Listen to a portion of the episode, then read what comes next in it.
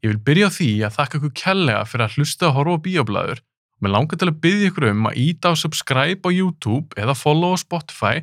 Þetta hjálpa mér að stækka podcastið ennþá meira og gerir ykkur kleift að fylgja spötum með þegar nýju þætti kom út.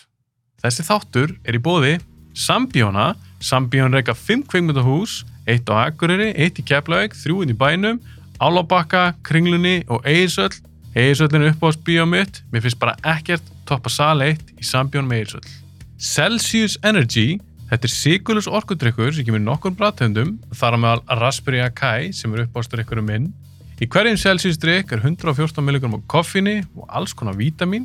Hægt er að kaupa Celsius í Hagkup og Netto. Subway, bestu bátnir í bænum, Subway byrjur upp á báta, sallöt og vefjur og að sjálfsögðu þessar frábæri smákukur. Ég reynir að hafa með þrjár í desert þegar ég er búin að borða minn upp á spát sem er BMT. Ég mæla maður að kíkja á Subway ef þú ert að leita þær að góðum og ferskum mat.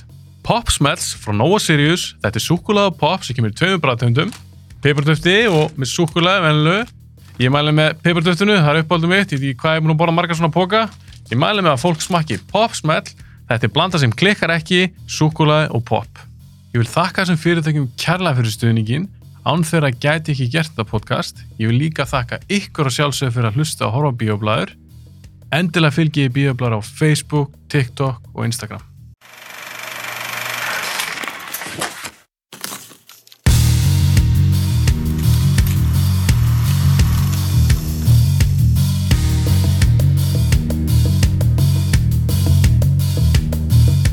Tina, takk fyrir að koma. Takk fyrir að hafa mig. Ég er búin að vera mjög spenntur að hitta þig. Sumulegis. Hún er skjálti, myndið þín, komin í bíó. Komin í bíó. Hvernig er tilfinningin? Hún er ofsalega góð. Við höfum þurft að fresta frumsýningunni hér heima í dágóðan tíma.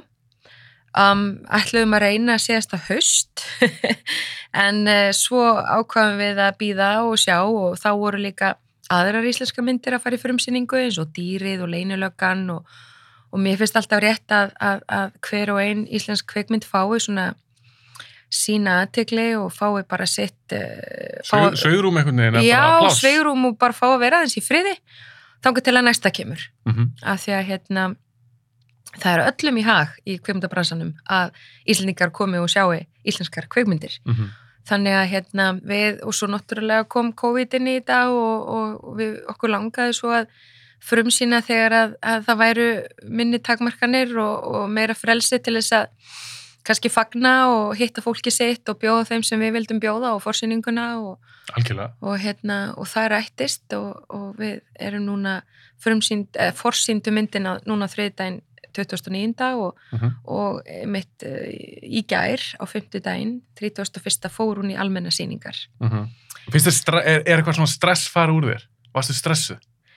maður er alltaf stressaður Mm. fyrir sko þegar maður er að ofinbera verkin sín en, en þetta var jákvægt og gott stress vegna þess að við vorum búin að sína myndina á, í fimm löndum áður, Mhm. fimm kvöngdaháttíðir höfðu valið hann inn og, og ég gatt, var svo lánsum að geta fyllt henn eftir til fjögur að landa og í öllum þeim tilveikum sem að ég gatt farið og fyllt myndin eftir þá fengum við alveg óbáðslega jákvæðar viðtökur og, og, og, og mjög jákvæða dóma frá gaggreinundum og líka bara fólki í salnum Mhm.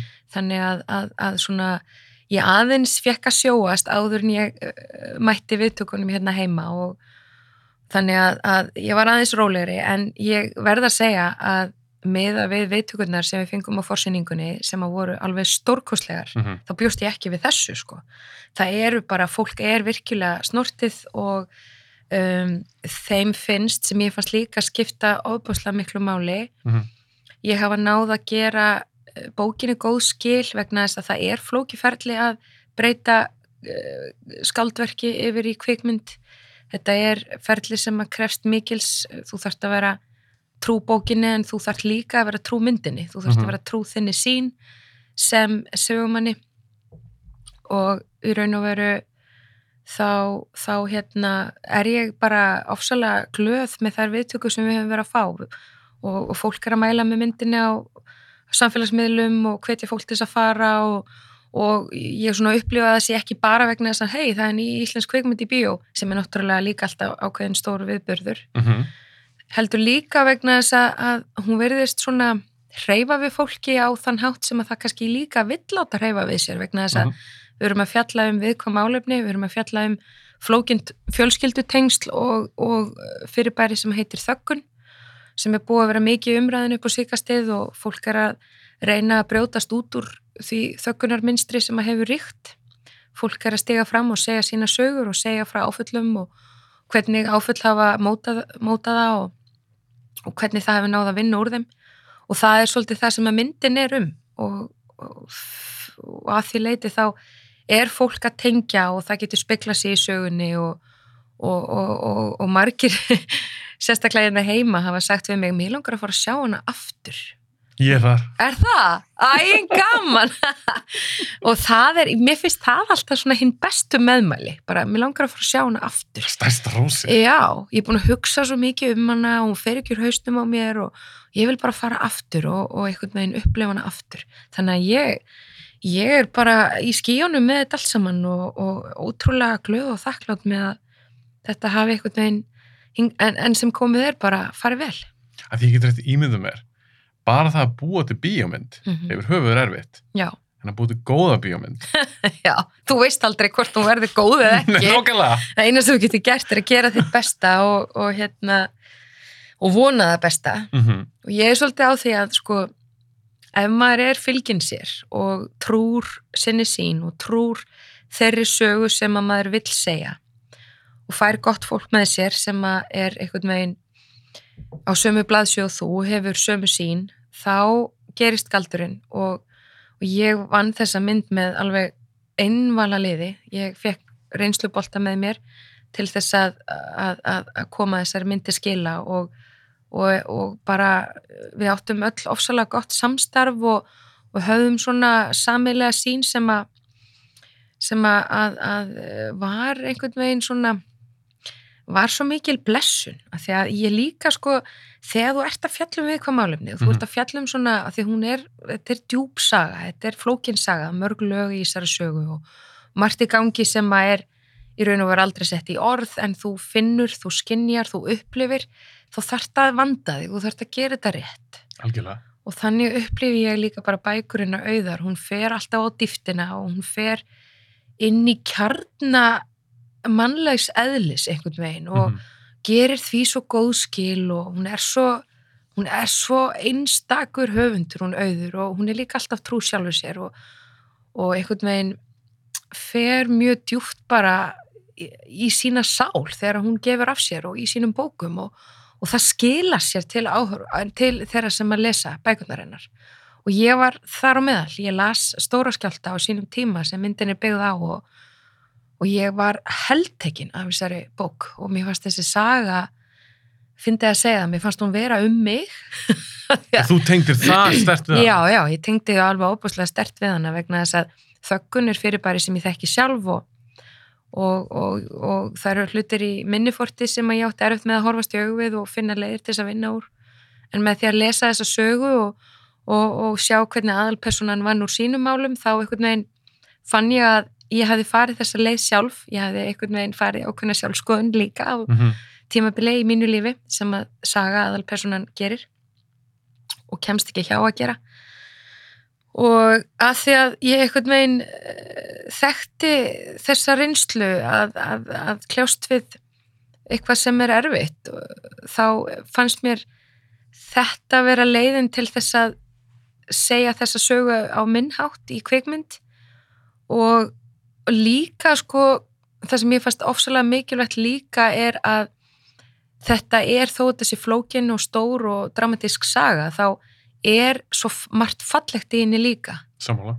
það er mikil von það er bjartsýni það er það er, það er svona það er virðing fyrir mannlegu eðli það er virðing fyrir því að það eru ekki allir fullkomnir, við erum brisk við erum oftast að reyna að gera okkar besta og það tekst misvel Og líka bara vering fyrir fóreldra hlutverkinu, hvað það er erfitt og flóki. það er ofsalega flókið sko. og ég er sjálf móðir og, og, og hérna og, og saga sem að myndin hverfist um er móðir og hún er að reyna að finna leiðir til þess að vera góð móðir, heil manneskja fyrir barnið sitt og það viljum við öll. og það eru fleiri í myndin sem eru fóreldrar að reyna líka sama, gera bara sitt besta. Já, og fara kannski öðruvís að því en að það er ekki allir karakter sem gera eins. Nei, en þú getur tengt svo við þetta. Já, það er nefnilega máli. ég veit 14 mánuði heima veist, þess vegna við þessi mynd bara búm, Eða það ekki. Já. þetta er svo í maður Ég hvet allra for, alla foreldra og alla þá sem hafa átt foreldra til þess að sjá myndina. það er bara all Já, allir. en ég hveti í alvegni alla til þess að sjá þessa mynd. Þetta er frábær myndina þannig ég get sagt það nú bara við þig bara svona face to face. Mm. hún fekk mig til að tárast. Æ, og það held ég að hafa aldrei gest í bíóður hjá mér. Það er magna. ekki að því ég er eitthvað svaka nagli. Nei, það bara hefur ekki gest nei, og ég mun aldrei gleyma þessa sýningu. Nei. bara, það eru atbyrði í þessari mynd og, og setningar töluðu svo til mín og, og sé, ég er nýjónið þetta er fyrsta barnið mitt Mm. og það koma svona dagar þar sem ég spyr sjálf mig bara, er ég að standa mig? Já, verð ég góður faðir? Er ég að fara að ná að ala rétt upp og efasemdir og svona? mm. Og það er ein setning í þessari mynd, mér finnst ég alveg geta sagt hana. þetta er engin spoiler, það er eitt karakter sem segir við annan karakter, þú ert góður pappi. já, Þá bara, þá bara sem er kveikt á tárin á mér. já, Svo kemur smá eftir það líka og þá bara, búm, þá er ég bara, ok, þetta verður líklegast einu minn upp á smyndum árum. Ég, ég, ég vil ekki fara til smá þetta, ég vil ekki spoila hennu, Nei, en ég hugsa hún verði á mínum top 5 lista. það er magna. Fóðu hvað ég glöð að heyra. Ég er afsalega glöð að heyra það og það, til þess er allt þetta erfiði. Það er nákvæmlega þetta, Mhm. þetta er markmiðið, að ná svona til fólks, hreyfa við því og, og vekja upp eitthvað sem að, að við eiginlega þekkjum öll. En hægara sagt en gert. Já, það er það. Þú veist, og í kvikmynd, þú- þú með fullt af fólki, Já. þegar öll er hann að gera eitthvað besta, en að búa til eitthvað bíómynd. Mhm, Mér finnst alltaf ég að magnað, þess vegna er ég svo hrifin að kvikmyndu forminu, að þetta er svo mikið hópstarf. mhm. Þegar verður eitthvað gott úr þessu, Já. Mér finnst það magnað. Já, og það, ég er líka á því sko að vinnuferli sjálft, það mun skila sér á tjaldið. Ef að, ef að samvinnan hefur gengið vel og það ríkir virðing og sátt á setti, Og góð móral og svona. góð mórall, uh, gott andrúsloft, virðing og tröst, Mm það er það sem er líkillin að þessu öllu. En þess að þetta er ekki myndin mín, þetta er myndin okkar. Við eigum hana saman. Ég hef aldrei gert þessa mynd án þessa fólks. Ég hef aldrei gert þessa mynd ef ég ekki haft þessa stórkuslegu bók hennar auðar sem efni við og, og þetta svona, já, svona, þetta er þetta, þegar allt vinnur svona vel saman þá trúi ég því að það skila sér til áhöranda og það verðist vera að gera það. Það skiptir líka svo mikið máli, þess að þú varst að tala um eitthvað svona sín og það, það hljóma og, og það lítur út þannig í myndin og þú hefur haft svakalega sterka sín. Mm, Brók, ég sé fyrir mér þessa mynd svona, þess að sögur svona í kvikmyndu formi. já, Og ég fann það sjálfur þegar myndi byrjar, bara fyrsta skotið, bara ok, ég er í góðum höndum, Er það? án jokes. Já. Ég bara ok, ég er í góðum höndum. Þá líður mér svo vel sem áhörnda. Að því ég finn það líka þegar að ég er að horfa bíómynd og maður er bara svona, ok, veist, ég er til að gefa sjans. Svo finnum við bara að leikstun hefur kannski alveg nógu góð tök á efninu. Mm Andstæðið þegar ég horfði á skjálta, ég bara, ok, og ég til í þetta, segðu mér svo sögu. -hmm. Það er svo góð tilfinning. Nei, ég veit, það er svo góð tilfinning. Mm Og ég, þegar ég upplifði þessa tilfinningu, þá var ég alltaf svo þakklátt. Ég. Ég verði svo glöð. Ég verði svo takk fyrir að hreyfa svona við mér. Já, það er þessi list á að gera. Já, það er það sem hún á að gera og, og hérna, og ég kalla þetta galdur. Ég kalla það bara þegar ég upplifi þetta sjálf og hvort sem það er, þú veist, tónverk eða myndlist eða leikrit eða kvikmynd, það bara, maður verður svo, maður, ég verður svo auðmjúk, ég verður svo auðmjúk gagvart listinni, fólkinu sem að gerði þetta, skapaði þetta. En þess að, að, í eðli sínu er listin alltaf að fjalla um manneskjuna. Algjörlega. Þetta, það er efniviðurinn, það er bara, þetta eru tilfinningar, þetta er, þetta er eitthvað sem að þú vilt miðla sem að á að vekja hughrif, á að, hérna, á að kalla fram þær tilfinningar sem að viðkomandi listamæður var að vinna með sjálfur þegar hann var að skapa verkið. Algjörlega. Og eins og ég talaði um að mér langar að sjá hana aftur. Það er efni í þessar, mynd og eins og atbyrður, karakterar, senur sem ég spennt að sjá aftur. Mm -hmm, Af því ég held, á þess að verður spoilera, ég held hún væri kannski í ákveðna átt, mm -hmm, svo fyrir hún svolítið annað, mm -hmm, ég kunna meta það, mér fannst aðeinslegt, mm en þá mun ég horfa aðeins öðruvísi á myndina -hmm. Einmitt, í senna skipti. já, En svo líka því ég skildi alla karakterin einhvern veginn. veist, þessi er hann að gera sitt besta og ég skil hann, þessi líka, þessi líka og að vera svona ákveðin tókstreita að því þetta er flókið Já. og þetta er svo mannlegt Já. en mér er þetta svo nærandi, Já. þetta gefur mér svo mikið þannig Mhm. þegar ég horfi aftur á hana þá hef ég svo miklu svona úr á móði eitthvað neginn að velta fyrir mér alls konar hlutum Já, einmitt. Það er frábært. Það, og líka, og þú veist, þegar ég mitt las bókina, þá fannst mér svo magnað hjá henni auði að hún er ekki að dæma neitt. Og það, það, er það er alveg eins í myndinni og að, í minni, minni, minni sín að, þú veist, ég vil ekki dæma neitt. Það er alveg og í lífinu, þá geta stundum aðstæður, uh, kringumstæður skapast sem að eru erfiðar og floknar og, og, og einhverjir bera einhverju leiti ábyrð á en einhverja síður þá, þá sko það er einhvern veginn það er engin eh, svona vondikallin í, í sögunni eða Mhm. kveikmyndinni það er einhvern veginn og það er, þegar ég var til dæmis að þróa handritið þá fór ég á uh, handrita vinnusmiðju sem að heitir Writers Retreat og var haldinn á þeirri dásamlegu eigu Mallorca Já. og þar voru nokkrir af okkar bara virtustu handreita ráðgjöfum kvikmyndabransans allstaðar að úr heiminum sem að hérna söpnust saman og við vorum hérna nokkrir kvikmyndalegstjórar að þróa verkefnin okkar og vorum að fá svona endurgjöfa á handritin Mhm. og þá var einmitt það sem að var mest talað um í mínu verkefni var nákvæmlega þetta að ég held að þinn styrkleiki við þína sögu er einmitt sá að það er engin dæmdur það, er, það eru allar hliðar málsins einhvern veginn þeim er varpað fram þannig að þú sem áhörandi það er ekki verið að mata þig það er ekki verið að segja þér þessi vondur, þessi góður, þetta var nú meira fýblið Já, þetta er rétt, þetta er Já. rátt, þetta einmitt ekki.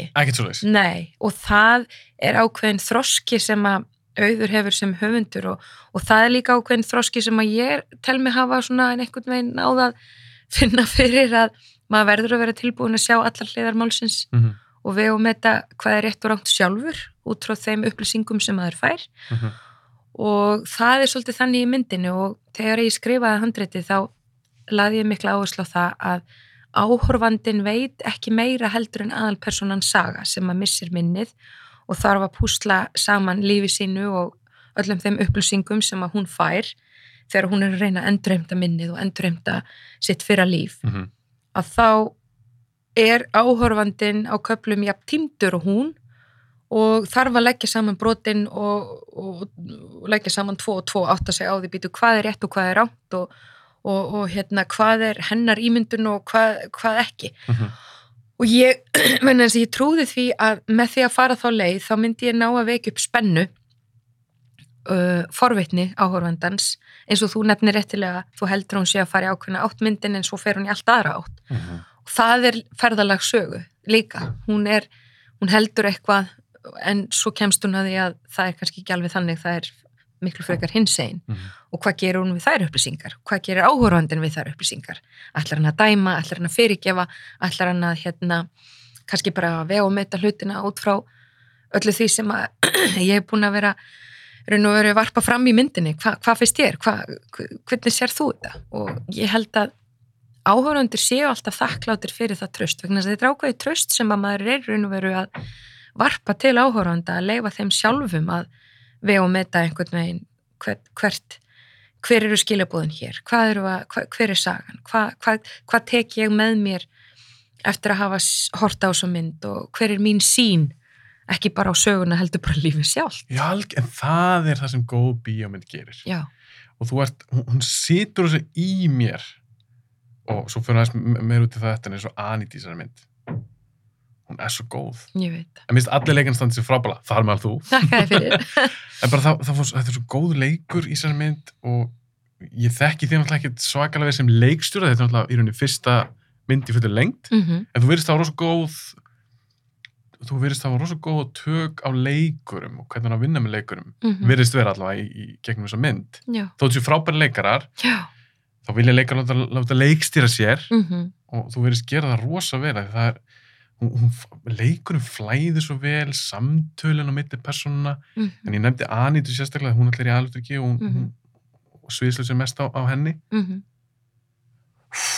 Finnst það rosalega í þessari mynd. Já, hún er einstöku í þessari mynd og, og í raun og veru bara ber myndina uppi og, og það mæði mikið á henni og hún gerir þetta listilega vel og við unnum mjög náið saman og, og vel og fallega.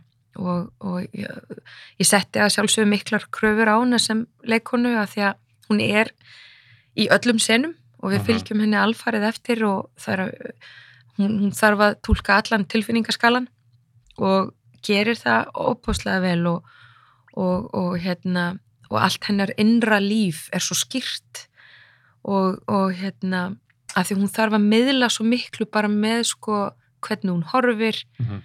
og, og hérna og þessi lástemdi leikur sem að hún í raun og veru sýnir í þessari mynd er samt svo stór vegna þess að það er svo óbúslega það er svo mikið að bærast um, um í höfðunáni, í hugsunum hennar í hennar innri líðan hennar tókstreitu og, og, og slikt og það skilar sér svo vel í hennar nálgun og hennar túlkun vegna þess að, að við fórum líka þá leið að við höfum mikið að nærmyndum Mhm. hún er mjög frek og kröfuhörð kameran á hana Mhm. og fyrir vikið þá sá ég um leið þegar ég var að horfa á mónitorinn þegar að hlutinni voru ekki sannir Mm. þegar hún var ekki alveg 100% on og sem er eðlilegt, ég Já, því þú gast ekkert flúið. Þetta er Nei, svo mikið nærmynd. þetta og... er svo mikið nærmynd og, og ég sé það bara sjálf þegar ég er að leika og er að horfa á eitthvað sem ég hef gert og þá sé ég alltaf sjálf minni býtu þannig er ég nú bara að hugsa um eitthvað annað þannig er ég nú ekki alveg í situasjónu en þú veist, Finnst þú finnst þú ná að spotta öðrum leikurinn líka?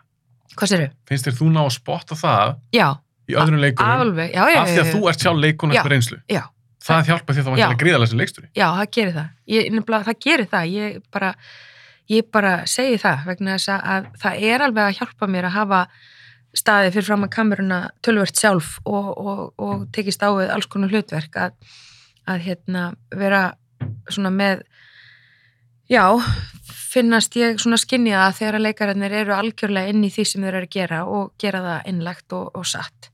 Vegna þess að í raun og veru þá er ekkit annað að virka. Þú, þú, þú verður einhvern veginn að þú verður að setjast í uh, situasjónuna, þú verður að kvíla, þú verður að ná að kvíla sem leikari og mér finnst það svo opbáslega mikilvægt að þegar ég næ einhvern veginn að finna það hjá leikarum, þegar þeir ná einhvern veginn að kvíla í því sem þeir eru að gera og segja og tólka og þá verður það einhvern veginn svo satt þess að með þessari kvíld þá kemur ákveðið örgi ákveðið flæði sem að einhvern veginn er bara svo gríðarlega mikilvægt í kveikmyndaforminu. Mm. Það er ofbáslega mikilvægt vegna þess að mér finnst ég svo oft sjá í svona sérstaklega svona Hollywood myndum Já. þegar að leikarin er bara að hugsa um sminkið eða hann er að hugsa um hvernig er nú svipurinn, er, er, er hakan er í undirhugun. Of meðvitaður. Já, meðvitund, einmitt, meðvitund og, og ég var sjálf að leika pínlítið hlutverk í kveikmynd sem að heitir uh, Margaret Fyrsta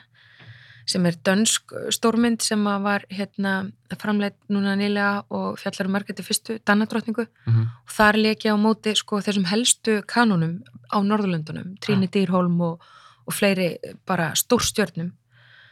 Og það var mikill heiður að fá þetta hlutverk og, og kynntist þessu fólki og við töluðum mikið saman bara á milli takna og vorum að ræða listina og aðferðafræði og svona og, og, og þá talaði með Tríni Dýrholm um þetta með sko meðvitundina, hún er alveg stórkurslega leikona og allt sem hún gerir er svo satt og velgert. Hún saði einmitt það sama, hún sagði ég er ekki leikstjóri en ég sé það alltaf sjálf, Mm. bæði þegar að leika á móti fólki og líka bara er að horfa á kvikmyndir eða sjónastætti að þegar þessi meðvitund kemur sem er eðlileg við erum bara fólk og við erum í raun og veru ekki að upplega þessa situasjónu, við erum bara við erum bara að setja okkur inn í það og við erum að reyna Fake. að gera þetta alveg, já þetta er feik, veist, við, við erum að leika Mhm. en ég sé alltaf þegar þessi meðvit þegar að kviknar á þessari meðvitund að þetta kemur bara eftir að fer inn í áruna þetta fer inn í bara, bara hvernig fólk horfir, þú næstuði sko, þú getur þetta er hálf lígilegt að segja það en þú Ja. næstuði getur séð það í augunum á fólki Ja. þegar það er statt annar staðar það er svo, þetta þetta er svo skrítið er, En er það ekki þú leikstur sem á að stökku inn? Jú, jú, og segja bara, hei, tökum Já. aðra tökku eða tala við leikaran eða leikon eða... algjörlega. Og þetta er meiri segja sko þegar þú ert að leika á sviði það er svo, þú veist, þegar þú ert að fara með mónulóg og þú ert kannski að lýsa í mónulóknum einhverju sem að ég fór þangað og þá kom bíll og hann kerði yfir þennan og ég var vitna þessu. Þú þart að sjá í alvörunni í huganum þennan atbyrð sem þú ert að lýsa Mhm. þú þarft að sjá myndina, þú þarft að sjá bílinn þú þarft að sjá slesið, þú þarft að búa það til í haustnum og horfa á það í huganum þó þú sért á sviði og þú ert ekki með þessa kröfu, kröfuhörðu nærmynd á sviði eins og í kvikmyndum þú þarft í alvörunni að sjá þessar myndir venna þess að sú mynd sem þú sérð hún mun skila sér út í salin þetta lærði ég í leiklisskólanum Mm. og, og hérna og, og, og, og fannst alveg merkilegt og, og hef oftar en ekki bara séð að þetta er alveg satt. Þetta er, þetta er, þetta er svo skrítið. Það er bara það er næstu eins og framköllunin í huga þínum sem Mhm. leikari, leikari hún skila sér. Og ef hún er ekki til staðar, þessi mynd sem þú ert að segja frá um sminkið eða eitthvað já, þá bara þá, þá, fer, þá, þá framkallast hún ekki heldur í huga áhórfundana En þegar þú leikur, því nú hefur fengið tími nokkra leikara mm -hmm. og sem eru að tala um alvöru alvöru tilfinningar eða Mhm. alvöru áföll þú ert kannski að leiki ykkur senu sem er sorglega eða eitthvað Mhm. þú persóna sem leikona sækjur þá sjálf í eitthvað sem kom fyrir þig Já. eða nærða að feika þennan gæslapp notur á alvöru tilfinningar, skilur hvað við um, nú get ég bara að tala fyrir mig Já. en, en sko en, en um, þú sem leikari átt að geta leikið öll hlutverk mm -hmm. og, og tólkað allt sem er bara til í þessum heimi en það þýðir ekki að, og þú þarfst að geta gert það satt, en það þýðir ekki að þú, að þú hafur þurft að ganga í gegnum akkurat þá reynslu sjálfur. Hins vegar, þá ef þú ert til dæmis að leika einhverja mannesku sem að hefur upplifað missi, Já. segjum bara að þú ert að leika mannesku sem að missir fóreldri sitt Mhm. og þú fóreldrar þínir sem leikari, þú er bara átt þína fóreldrar en þá lífi, þá getur sko tekið sársöka sem að þú hefur kannski gengið í gegnum einhvers konar, annars konar missi. Mhm. Missi, það getur þess vegna verið bara missir af einhverju tækifæri í lífinu, missir, þú missir vinðin eða það gerist eitthvað í þínu lífi sem að þú getur kallað missi. Þú getur ættleitt þá tilfinningu yfir í þá situasjón sem þú ert að vinna með Mm -hmm. þannig að tilfinningin upplifunin af einhvers konar missi hún getur verið sönn vegna þess að þú þekkir bara það að hafa mist eitthvað þó sé ekki endilega fóreldrið þitt vegna þess að það er enn á lífi. En þú getur ættleitt raunmjörulega tilfinningar og farið inn í þann brunn í þínu sálarlífi og spekla það og nota það sem grunn. Og ég geri það sjálf.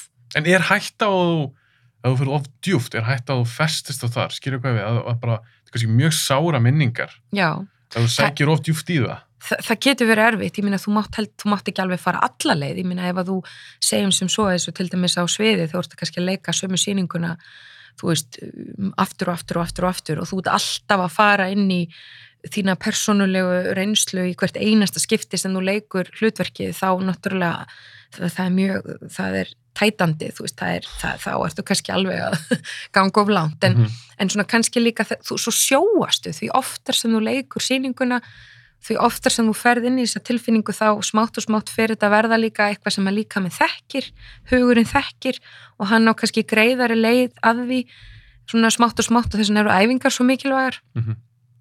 að þú getur svona að, að leiðina þessari tilfinningu verður alltaf auðveldari með, með sko æfingunni og reynslunni heldur en að þú farir alltaf alveg bara alveg djúft hún í kjarnan en einhver staðar á æfingaferlinu þartu samt sem áður að fara tölvirt langt bara til þess að ná í hana Mhm. finna hana, en eins og öll eru við með eitthvað svona buffer, við erum með svona Já. ég býja einhverju reynslu sem ég ætla ekki alveg endilega að fara inn í en á einhverjum tímapunkti er gott fyrir þig að fara inn í þá reynslu bara sem manneskja finna þessa tilfinningu, opna á hana Mm. þannig að þú getur sótt í þann brunn svo þegar þú ferða tólkana aftur og aftur og aftur en, en sko og það er það sem að gerir kannski líka leikarastarfið starfið svolítið flókið og, og svona oft á tíðum svolítið erfitt. Mm. og leikarar verða líka oft viðkvæmir fyrir gaggrinni og svona það því það sumir eru bara, búkstælega að gefa sálsína og hjarta í eitthvað sem þá svo kannski kemur einhver gaggrind og segir bara, já, mér fannst hann ekki nógu samfærandi og maður bara verður ofsalega, ó, þú veist, ég alveg fór svo langt og, og, eitthvað, en þú veist, ég, ég veit það ekki, það er, þetta er, þetta er, það er, það er margt í þessu sem að, að, að hérna, getur verið viðkvæmt, en, en, en þetta er bara eðli þessa starfs, þú ert að vinna með sjálfa þig og þína tilfinningar og þína reynslu og þú ert ekki með eitthvað annað, þú ert bara með þig og þú hefur ekkert annað til þess að nýta, til þess að miðla því sem þú vilt miðla eins og, og reytöndar, þeir eru með bækurnar þeir skrifa bækurnar og svo bara bókin farin Mhm. og þá er bara allt sem þú settir í bókina bara einhver önnur stærð, einhver vera sem þú bara getur skilið, skilið sendt frá þér, Mhm. svo er það farið en leikarinn er alltaf aftur og aftur með sjálfa sig bara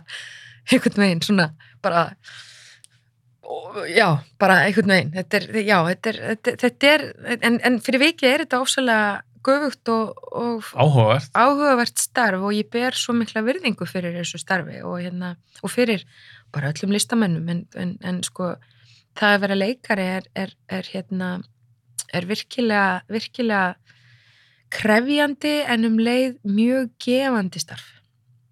En eins og að leika á sviði versus að leiki í bíómynd eða sjónvastáttum þú veist kannski sviði og og margar sýningar eins og Mhm. tala um það kannski tætandi og alltaf að fara í einhvern brunn af einhverjum tilfinningum eða erfið munningum Mm -hmm. en svo til bíómynd og það er kannski með, ég veit ekki, tíu tökur eða eitthvað svo fyrir bara næsta driði Mm -hmm. svo er það bara búið, skil, þú ert ekki að fara að leika aftur nákvæmlega í þessari bíómynd eða þessu atriði, leiktæknin er Mhm. það er það tæklað öðruvísi? Í kvikmyndum, eða þú veist, í Já, því formi. kvikmyndum versus sviðsleik Já, kannski vegna, vegna þess að þú þart að sko leiktækni á sviði og í kvikmyndum er uh, mjög ólík, þú þart, þart að vera svolítið spar á það eða spör á það hva, hversu langt þú ferð með tilfinningarnar vegna þess að það sem að virkar á sviði þarf að ná einhvern veginn alveg til þeirra sem að sitja á aftasta bekk. Mm -hmm. þannig að þú þart stundum að gera hlutina aðeins stærri heldur en í kvikmyndum í meiri, meiri nánd kannski miklu, já, í, kvikmyndum. Já, meiri nánd og þá þarf að gera minna þú þarf að sína minna en á móti kemur er að sama umrót þarf að eiga sér stað í sáluðinni í, í, í bara í hugsunum þínum og, og hvernig þið líður og það þarf að, þannig að hið innra líf er Mm. það sem þú þarf að vinna svo rosalega mikið með þegar þú ert fyrir framann kameru og að það skili sér í bara augnaráðinu, í, í tilliti þínu, hvernig þú horfir og hvernig þú fer með textaðinn og allt það en, en sko, þetta er einhvern veginn á sviðinu þarf að láta þetta berast alveg út um allan salin og, og þá hefur miklu meira frelsi til þess að opna á stærri tilfinningar og tólka miklu meira og tala herra og Hvort er skemmtilega? um, í mínu tilfelli ég hef verið miklu meira uh, í kveimundabransanum að leika Mhm. heldur en nokkuð tíman á sviði þannig að þannig að, að sko minn reynsluheimur er aðalega þær en ég hef svo sem alveg líka verið á sviði og mér finnst erfitt að bera þetta saman þess að þetta er ólíkt þetta er ólík form en bæði eitthvað svo stórkostleg bara á ólíkan hátt Þú ætti bara eftir með að velja milli. Mm, já, ég minna, þú veist Þú hallast kannski aðeins meira að kameru.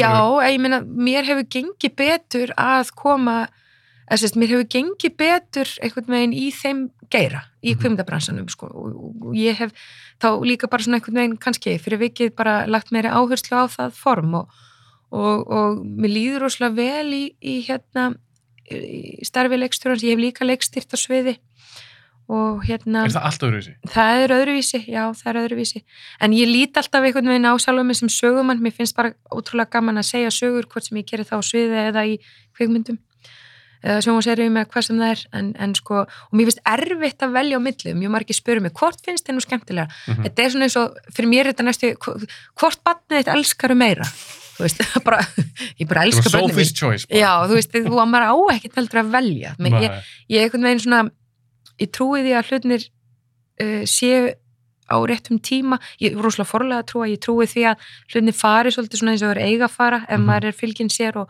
tilbúin að hlusta á innsæðið og, og svona hvað það er sem að fær mann til þess að einhvern veginn svona ég veit ekki, setja ástriðuna í þessa átt en ekki einhverja aðra akkurát núna, en ég vil halda öllum dyrum opnum, mig langar að leika mig langar að leika allstaðar á sviði, hvort sem það er eða kvikmyndum, bíómyndum, mig langar að segja sögur áfram á sviði í kvikmyndum, ég er svona ég er bara opinn fyrir öllu, ég er einhvern veginn mér finnst rosalega gott að hafa þann grunn sem ég hef, sem er leikona og kvikmyndaleikstjóri eða bara leikstjóri og geta einhvern veginn gert bæði, Mhm. skilur Já, þú Þú, þú þarft alltaf ekki að velja. Nei, Þú veru það svo veilt. Já, En hvernig hjálpaði það þér? Að þú ert leikona, það er svolítið þinn grunnur. mm Hvernig hjálpaði það þér þegar þú skrifar? Ég er, sem sagt, eh, ég lærði bókmyndafræði í Háskóla Íslands Mm. í tvö og hálft ár. Ég var svona bara eiginlega við það að klára af því að bókmyndafræðin er þrjú ár í HÍ. Ég var við það að klára þegar ég ákvaða að skella mér nú í, í, í inntökuprófinu í leiklisskólanum og sjá hvort að þetta væri nú eitthvað sem ég myndi vilja mögulega gera. Og komst inn í fyrstu tilraun í leiklisskólan þannig að ég bara náði ekki að klára bókmyndafræðina en, en, en hérna var komin vel á veg og kynntist þar skrifum Mm. mjög mikið. Las rjóman af þeim bókmyndum sem hafa verið gefin út bara á alheimsvísu og lærði mikið um, um, um uh, hérna, greiningu og texta og, og við lásum mikið að leikritum, lásum bækur og, og vorum stöðut að greina karaktera og sögur og, og, og, og ströymar og, og ströyma og stefnur sem að, að hérna, hafa ríkt í bókmyndasögunni Mhm. og skrifum fullt af reitgerðum og greiningum og það hjálpaði mér svakalega mikið þegar ég svo fór að skrifa sjálf að, að búa þessu, þessum, þessari mentun líka, ekki síður en leikaramentuninni. Mhm. En svo gerði ég eitt, svo fór ég sko þegar að ég var með, ég er nýbúin að fæða tvíburunum mína þá og var bara í, í hérna batnegna fríi þá skráði ég mig á námskeið í Háskóla Íslands Mm. í endurmentuninni sem að hétt handreitaskrif og þar voru Árni Óli heitinn og Hafsteinn Gunnar sem að gerði undir trénu Mhm. að stýra frábæru handreitaskrifa námskeiði sem að ég fór á og þar lærði ég svona uh, grunninn að því að skrifa kvikmyndahandrit Mhm. og þeir eru hérna á þeim tíma voru þeir á fullu en náttúrulega elsku átnjáli látin í dag en, hérna þeir uh, voru ofsalega reynslumiklir og frábæri kennarar og kendu þessi þessa grunnþætti sem að þurfti að maður þarf að kunna til þess að skrifa kvikmyndahandrit vegna þess að það er allt annað að skrifa bók eða ritgerð heldur en að skrifa kvikmyndahandrit og þannig að, ég lærði það hjá þeim Margar Og- reglur. í margar reglur og það er flókið að skrifa kvikmyndahandrit af því þú verður einhvern veginn að sitja í handriti nákvæmlega það sem þú sérð Mhm. á skjánum en þú mátt ekki lýsa einhverju sem er ekki á skjánum og það er svo erfitt að ég þurfti að, að, að svona, það var ákveðin skóli en Mikið En- kunst. mikil kunst Mhm. en, en þannig að sko ég er lærði, lærði bókmyndafræði, ég lærði leiklist og svo fór ég í annað nám Mm. 2005 sem heitir MBA og, var, og er kent í háskólanum í Reykjavík sem er alþjóðlegt stjórnendanám tveggjára nám sem er bara, það heitir Master in Business Administration. Já. þetta er meistranám á stjórnendastígi, þú lærir að vera stjórnandi. Og það sem er svo frábært við þetta nám er að þetta er fyrir fólk úr öllum geirum. Ah. þarna voru hjúgrunafræðingar þarna voru, þú veist, bara fólk allstaðrað sem að bara langaði einhvern veginn að, að, að læra það að vera stjórnandi og þegar ég skráði mig í þetta nám þá ætlaði ég ekkert að vera einhver leikstjóri. Ég bara var á svona einhverju tímpil í lífinu þar sem að mér langaði svona að hafa lítið að gera hjá mér. Og ég vissi ekki alveg hvað ég vildi gera, hafa lítið að gera hjá mér í leiklistinni þannig ég svona vildi auka þekkinguna, nýta tækifæri þegar það var svona svolítið rólegt hjá mér að halda áfram að menta mig og, og bara ég kem út úr þessu námi bara fulla af einhvers konar sjálfströsti um að ég geti bara orðið góðu stjórnandi og Gekja. stopnaði mitt eigið hérna, kvikmyndaframlýslu fyrirtæki sem heitir Freyja Filmwork Mm. á samt þremur öðrum stórgúslegum konum sem eru líka að starfa innan kvikmyndagerans og, og við hérna höfum bara verið að reyka þetta fyrirtæki og það fyrirtæki hefur svona svolítið haldið utan um mín verkefni uh, núna, já, bara þú veist, síðan að ég byrjaði um, og þannig að sko, þannig að þessi þessi kombinasjón af þremur ó, mjög ólíkum námum, leiklist, eh, skrif og stjórnendanám hafa nýst mér svakalega vel sem leikstjóri, svona kveimdaleikstjóri vegna þess að það að vera leikstjóri er náttúrulega að vera stjórnandi. Þú berð ábyrð á fólki, þú berð ábyrð á heildarferlinu öllu, þú þarft að passa að miðla því sem að, að, að við viljum gera í, sammenningu eins og allir stjórnendur þurfa að gera Mhm. allir stjórnendur þurfa að passa það að fólki sem að það stýrir það séu allir með sömu sín og við séum öll að fara sama markmiði og að þetta samtal þar sem allir skilja hvernig annan geti átt sér stað og, og, og þannig að já, ég einhvern veginn og það er svo merkilegt að sko þetta gerðist einhvern veginn alltaf tilviljun Mm. Að ég, æ, þetta var einhvern veginn ekki úthugsað en svona þegar þetta kastana kom þá áttaði ég mig á því er ég bara með ágætis grunn hérna í mentun sem leikstjóri þó ég hafi ekki farið í svona hefðbundið kvikmynda leikstjóra nám eins og flestir gera Mhm. og hérna er svo lífið hafið svolítið svona verið að dýra þér. já, svolítið Það er svolítið fyndið, maður Já. hugsa tilbaka, bara, Mhm. já, hefur það meika sens, kannski ég er hún leikstur í það. Já, það gerir það og, og ég kom einhvern veginn sjálfur mér bara óvart að, þetta einhvern veginn ekslaðist svona og, og, og ég aðlæðist eitthvað svona einhverja já svona vissu um það að ég gæti gert þetta vegna þess að eins og þú segir, ég meina það er ekki að kvikmynd, það er flóki mál og, og það eru ákveðni þættir sem þú þarft að hafa mjög skýra og þarft að vera vissum að þú vitir hvernig þú viljir gera þá og þá hjálpaði, hjálpaði þessi grunnur mér alveg afskaplega mikið. En þú varst að, að leiki skjálta, þú skrifar hana, þú varst að leikstýrinni, þetta ekki líka framleiðandi. Í framleiðina á, ásamt Hlín Jóhannesdóttur. Þetta er mikið. Þetta er mikið, sko. Var þetta ekkert of mikið? Nei, að, jú, kannski.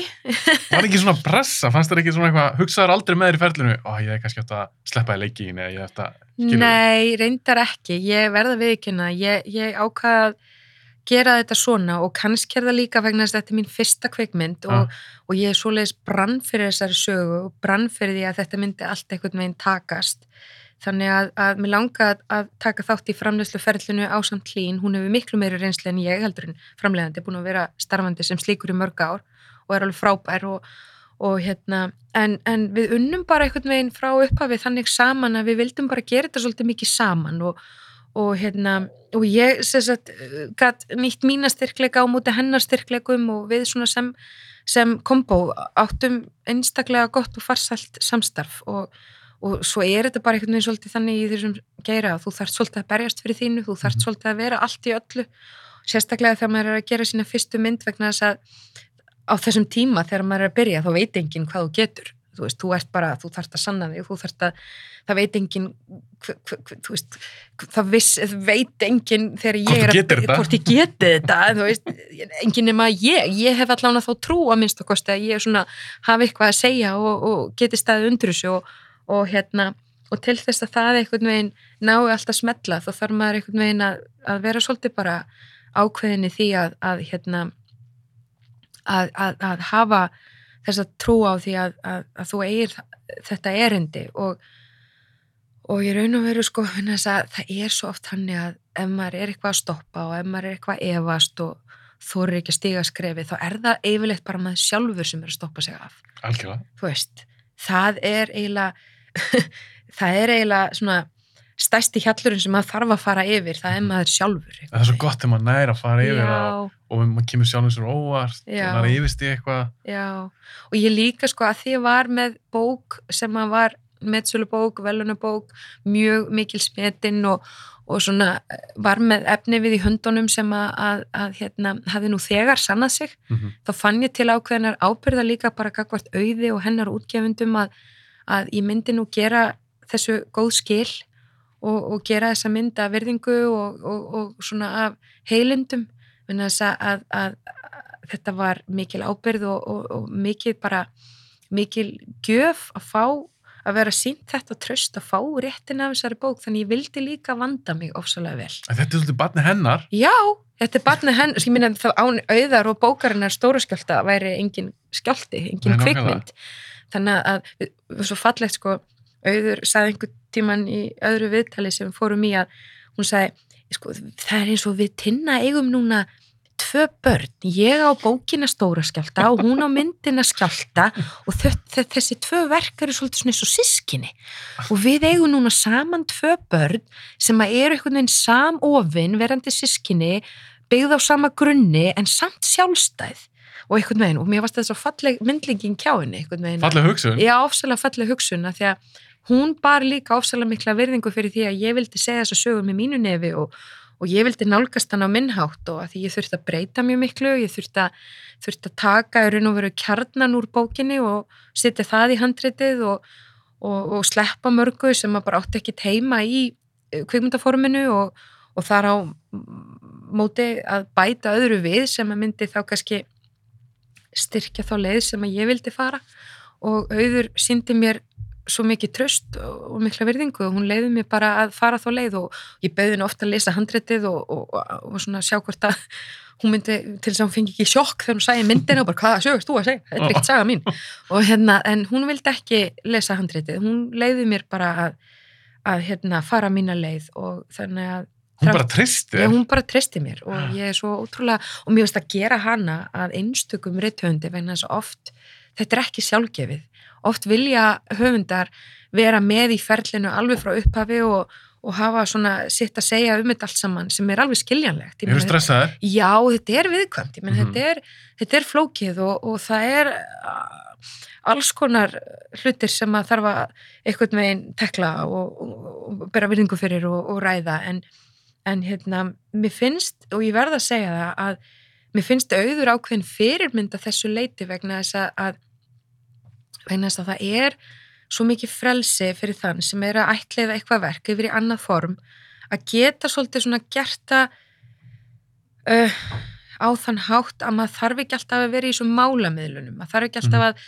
einhvern veginn svona reyna að haf, halda höfundunum góðum að því að skilur þú veist þú, þú sko þú þarft að vera trúr grunnefninu, þú Mhm. þarft að vera lojal eins og ég sagt á ennsku, mm Mhm. veist það er svo gott orðið yfir þetta en þú þarft líka að fá þitt frelsi til þess að geta í raun og veru tekið að besta úr frumverkinu styrta og sett það inn í þetta forma því þetta kvikmyndaform er svo knaft Mhm.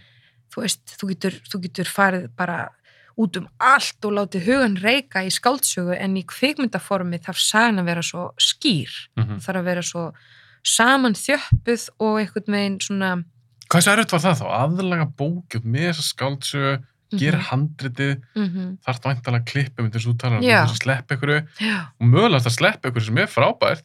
alveg En hvað er það? að því sko það sem þú sleppir úr bókinni er ekki að því það er eitthvað slæmt, skilur það er ekki eitthvað, veist, mynd, bókin er frábær minnst hún æðislega eins og hún er en, en það að sleppa er bara eitthvað það henda bara ekki alveg í þessu formi þú veist, í kvikmyndaforminu virkar þetta eitthvað pínu skrítið og ég verð að segja að stundum finnst mér ég sjá á kvikmyndum að þessi var augljóslega byggða bók.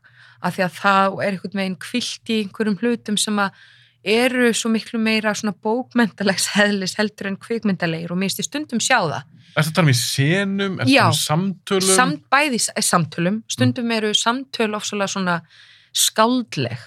Og það er eitthvað sem að mér finnst aldrei að hennu góða ekki í kvikmyndaformi Þessum virkar kannski í skáldsögu, Já, virkar í kvikmynd. já, virkar ekki í kvikmynd vegna þess að í kvikmyndaforminu þú ert alltaf að horfa á raunverulegt fólk og þú vilt geta spegla þig, Mhm. þú vilt geta tengt og þá þá hérna verðar, verða personurnar að tala eðlilegt tungumál, það verða að tala talmál eins og ég og þú núna þær geta ekki verið skáldlegar en það geta verið það í bókmynd bó, í bókinni, í bókum geta það verið skáldlegar þú tólkar þetta sjálf, já, líka sem lesandi. þú, já, og líka þú ert ofta að lesa hugsanir fólks og hugsanir Mhm. geta verið svo skáldlegar Mhm. það er alls konar myndlíkingar og alls konar hlutir sem að, sem að eiga heima í, í bókmyndaforminu sem að eru, er, eru bara eitthvað mjög skrýtnar í, í formi, formi kvikmyndar en, en hérna af hverju fannst þér, fyrir ekki, af hverju fannst þér bókin virka sem kvikmynd? Hvað var það sem bara, hvað er það, ég vil gera kvikmynd? vegna þess að af hverju ekki nógu þetta var bara bók? Hvað var það sem kveikti svona svaka líður? uh, Gera bíjamynd? Já, sko það sem að kveikti svo svakalega í mér var að ég sá í þessari bók að þarna er ákveði svona það, hún er að fletta ofan af ákveðnum hlutum smátt og smátt. Mhm. Hún er byggð upp eins og raun og veru rannsóknar lauruglusaga.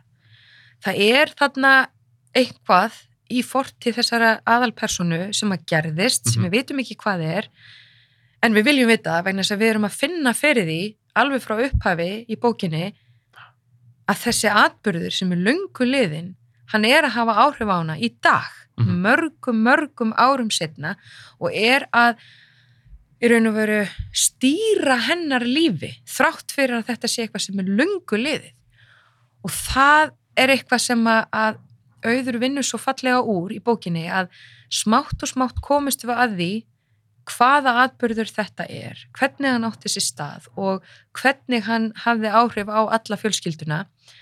En á meðan að við vitum ekki hver hann er þá verðum við spennt, við verðum forvitin við viljum fá að vita meira og ég hugsaði þetta er bara bara fullkomið fyrir kvikmynd vegna þess að, ég meina, við elskum að sjá svona leynilöruglusögur þar sem við erum smátt og smátt að komast að hver er morðingin eða hvað, hvað gerðist Mhm. og hvernig og, og eitthvað, þetta eru svona ráðgátur en Mhm.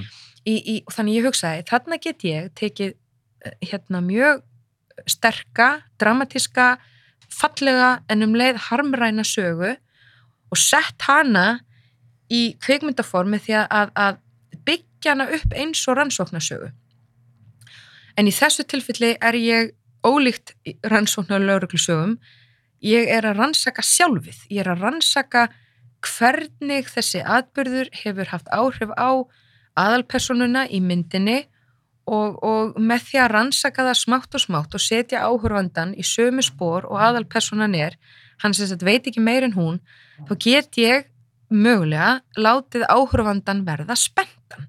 Og til dæmis eins og við erum búin að vera að keira núna stiklu úr myndinni, trailerinn og góður íslensku Kórísku. Já, þar erum við að, að kynna vel þetta spennu element. Við erum að kynna það að þetta er, það er eitthvað annað sem gerðist og flestir sem hafa komið og tala við mig og sagt, þegar ég er spennt að sjá hérna, myndina þina, ég er langt svo að vita hvað gerðist, af hverju er, er, hvað hva, hva kom fyrir þessu konu, skilur við? Og þá, og þá hugsaði ég, heyrðu frábært, þá erum við að ná markmiðinu vegna þess að Mhm. ég vil að fólk komi í bíó og, og vilji fá að vita hvað gerðist hjá þessari fjölskyldu. Mhm. Hvað, af hverju er þetta fólk svona? Þess er vil ég alls ekki segja frá því núna. Nei, Ég vil Þú- hvað nei, þú mátt ekki segja það vegna þess, að, vegna þess að fólk verður að fá að komast það í smátt og smátt og einmitt margir halda framan af þegar þeir horfa á myndina að það sé svona atbyrður, það er Mhm. þessi atbyrður, en nei, það er eitthvað annað Mhm. og meiri sé að, hérna, sagði þú mér áðan að þú hefðir haldið að eitthvað annað gerðist en raunverulega gerðist og það er gaman, það er gaman að geta komið fólki óvart. Það gladdi mig. Já, Að því maður er stundum, að maður er búin að sjá svo marga bíómyndir, já, stundum verður maður bara, ok, ég veit hvert þetta er að fara, já. en þarna bara, ok, Þarna er í raun og er ég að svara spurningunni. já, Af hverju fannst mér þessi saga eiga svona vel í kvikmyndaformi? algjörlega, þú ert alveg að selja með það, af hverju þú ert að gera bíómyndur þessu. Mm, Ég sá bara fyrsta trailin eða teaser, ég man ekki hvort það var, mm, og hann náði mér alveg strax, ég bara, "Ó- ok, þú veist, hann lúkaði auðvitað myndin, mm ég bara, hvað er í gangi þessu mynd? Mm Mhm. Ég þekkti ekkert skáldsöguna, Nei, þannig ég er að koma inn alveg, já. Alveg clean, skilur Ég nefnilega, sko, talandi um það, þú eru ekki að lesa bókina, það eru, sko, margir eru bara, fólk segir allavega hana, það bæð, bæði hefur fólk sagt við mig, herðu, ég las þessa bók og þetta er eina bara uppáhalds bókunum mín og mér var svona æðisleg og ég er rosalega ána með myndina líka og hún er frábær og eitthvað. Og svo er hinir sem segja, herðu, hérna, ég hef ekki lesað bókina og mér langar eiginlega ekki að lesa bókina, mér langar bara að sjá myndina og bara koma að henni alveg svona. Þú veist, það, það er bara alls konar. Þetta er ekki svona, já, lestu bókina til þess að geta séð myndina. Þú getur bara gert bæði, veist, og jafnvel er gaman að bara, veist, lesa bókina og sjá myndina og bara hvernig sem það er. Er, veist, en ég óska samt eftir því að fólk sé ekki endilega að bera saman Mhm. þessi uh, verk vegna þess að mér finnst það sko yfirleitt, mér finnst alltaf vola erfitt þegar fólk segir hvað fannst þið betra, bók, betri, bókin eða myndin. Þetta er eins og hvort barni elskar um eða, þú veist, þennan eða hinn. Ólík form. þetta er ólíkt, þetta er bara Mhm. ólík form og, og, og hérna og myndin er bara það sem hún er og fyrir það sem hún stendur og bókin er fyrir það sem hún er og stendur. Og, og ég raun og veru sko vegna sem leið út farin að einhvern veginn hvort fannst þið betra, þetta er bara svo bera saman eplu og appelsínur, þetta er þú veist, þetta er, þetta er ólík form og hérna og og sko, og einhverju hafa líka sagt að hún snerti mig og svo skemmtilegt við myndin, hún snerti mig á aðeins öðruvísi að hátt heldur um bókin. Bókin snerti mig svona, myndin snerti mig svona og það er bara gott vegna þess að, að, að og kannski líka óumflýjanlegt vegna þess að, að, að því ég náttúrulega tek bara kjarnan úr bókinni og legg áherslu á ákveðna þætti sem að kannski orka aðeins öðruvísi á fólk heldur en heldur en um, það sem bókin skilur eftir sig vegna þess að bókin er svo stór og það er svo, það er svo margt í henni sem að sem að er einhvern veginn, veist, hún er svo rosalega marg laga sem er svo frábært og þú, þú ferð víðar einhvern veginn, hún, hún reyfir við þér á svo óbærslega margan hátt bókin eins og bækur gera og góðar skáldsögur gera. En í, en, en í kvikmyndaformin þá er bara ekkit pláss fyrir neitt nema bara einhvern veginn kjarnan. Þannig að það er eðlilegt að hún orki örlítið öðruvísi á fólk heldur en myndin en, en nei, heldur en bókin myndin. Þið verður afsakað þeir sem að hlusta, það eru eitthvað framkvæmdir í húsum. Já, þetta er Svolítið byrjandi. En það er líka, það sem er svo gaman líka við bíómyndir, er að þú ert líka, þar getur líka nota tónlist, mm hljóð, kvikmyndatöku, það er svo Mhm. margt annað sem getur hreift um manni, Mhm. þetta er eins og skáldsögu, hún ætla að byrja þetta til sjálf. mm Mér svo flott að sjá snjó, svona lúkið, hún í þessari rauðu kápu, að mér finnst það bara, ég var svo hrifin af þessari mynd. það er frábært og kveiklega Ég sagði þetta með kærastum minna þegar ég kom heim. Ég sagði bara, herru, ég sá skjálta á þetta, bara, þetta er geggjum mynd.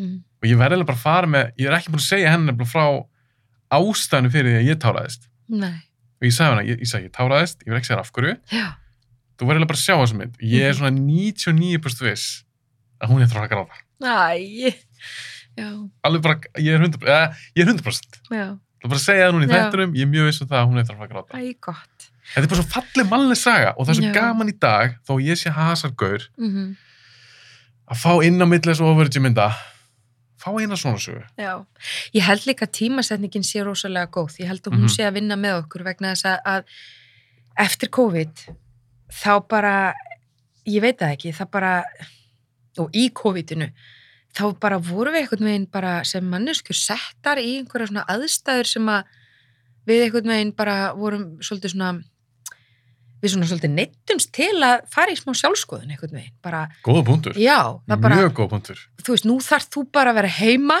með fjölskyldinuðinni og bara ekki hitta neina aðra og vertu bara þarna inn í þessu herbergi og eittu bara viku í einangrun með barninuðinu eða einhverjum í, öðrum í fjölskyldinu. Veist, þetta, við vorum bara einhvern veginn svolítið bara svona, Þetta hrætti marga samt. ég veit það, en það er gott. Mm Það er bara pínu gott að þurfa að, að hérna, staldra svolítið við og, og svona aðeins eh, slaka á hraðanum, þú veist. Við þurfum ekki alltaf að vera að hérna, sigra heiminn eða ná því að ná þessum ytri markmiðum sem við náttúrulega viljum reyna að ná sem manneskjör að, að hérna, í okkar eh, ferli, okkar, okkar eh, varandi, þú veist, atvinnutækifæri og annað heldur svona þurftum aðeins að horfa í kjarnan, þurftum aðeins að fara bara og stíga inn í kjarnan í þessu ástandi. -hmm. Þannig að sko þegar að skjálti kemur út og við erum að vinna þessa mynd og ég er með henni í eftirvinnslu í miðju COVID-i, þá einhvern veginn kemur það alltaf svo stert til mín hvað þessi tímasetning er óbáslega góð vegna þess að þetta er nákvæmlega það sem er að gerast í myndinni. Það er þessi sjálfskoðun, saga fær flóavekiskast og hún er að myndin er samt ekkit um flóaveki hún bara e- er bara í svona aðstæða myndi bara saga mannesku sem er bara lendur á vekk Mhm. hún bara allt í hennu verður álag og atbyrður og fortíðinni eitthvað sem að kemur algjörlega aftanlegaðinni og bara bugar hana. Þetta er svolítið svona eins og bara þegar fólk í dag bara brennur út. Út af álægi Já. út af pressu, út af einhverju sem að andlegu sem að er í sálinni en þú ert ekki að kljást við, þú ert ekki að horfast í augu við og það affektura þig og þú stýrir þínu lífi. Þannig að sko og henni er sagt sko að fóruldrunum bara þú mátt ekki fara út þú getur ekki verið ein með badninuðinu þú gætir fengið annað flóvíkskast og þú, þú hérna, þú verður bara að vera heima og jafna þig og þannig hún var einhvern veginn svolítið svona bara föst líka inn í sinni íbúð Mm -hmm. í, í, í öðru, öðru samhengi en COVID en samt einhvern veginn svona það er eiginlega bara svona völdin tekin af henni Já. og hún þarf allt í einu bara að, að einhvern veginn verða einhvern veginn betri og jafna sig og, og, og, og kljást við þær aðstæður þar sem henni bara bannað einhverju hlutir, alveg svo Mhm. við lendum í COVID bara Mhm. þú mátt ekki þetta, nei þú mátt ekki knúsa þennan og bara þú mátt, þú mátt bara ekki hitta um muna Nei. og allt þetta og, og þá einhvern veginn, þá er bara allt í einu eins og bara, það er eitthvað annað afl sem allt í einu bara tekur yfir lífið þitt og stýrir því. Mm Hvernig ætlar að vinna úr því? Hvernig ætlar að gera það? Þá bara fer af stað þessi óumflýjanlega sjálfskoðun sem að einhvern veginn bara það að sitja og fá tíma og næði til að hugsa fer af stað, af því við erum hugsandi verur, við erum manneskjur og, og það er stundum með mitt í þessari kvild sem að við bara allt í hennu fáum þetta tækifæri til þess að hlusta, hlusta á einn Já, já. hugsanir, bara hlusta á En sem eru mjög hrættið það. Já, en er það einmitt þá sem er, það er hvað mikilvægast af því við hvað ertu reddur algjörlega, en skilur það er bara svo margir sem hrætt við sig. Já, þið þóru ekki að, ef við um, Mhm. tala um sjálfskoðun já, þóru ekki að fara innan við og Já, skoða. Já. og það, er mjög góð punktur þegar COVID, já, þú neittist þess að gera. Og þú getur ekki flúið sjálfa í íbúniðin eða eitthvað. Nei. Og þarna líka, þú veist, ég held nefnilega, talandi um tímasendingu, að fólk einmitt eftir allt þetta sé miklu opnari og tilbúnari fyrir svona sögur eins og skjálti er í dag heldur en kannski áður. rosa góða punktur, Já. ég hef ekki hugsað þannig. Nei, en það er, það er nefnilega, og þess vegna, aftur, ég er ekki, ég, ég, hérna, ég trúi, ég, ég trúi ekki tilviljanir, ég trúi því svolítið bara að þetta hafi svolítið svona unnið einhvern veginn allt saman og, og bara við áttum að segja þess að sögu núna og, og meðan við líka bara eins og ég var að segja að, að hérna uh, sko hvað var þar erlendar viðtökur á þessum erlendu kvikmyndaháttíðum Mm. og öll þessi gaggrinni sem við höfum verið að fá sem er svo jákvæð það er svo gaman líka þegar maður les dómana að það er allir gaggrindur að skrifa einhvern veginn dómana út frá svona persónulegri upplifun pers á svona persónulegum nótum.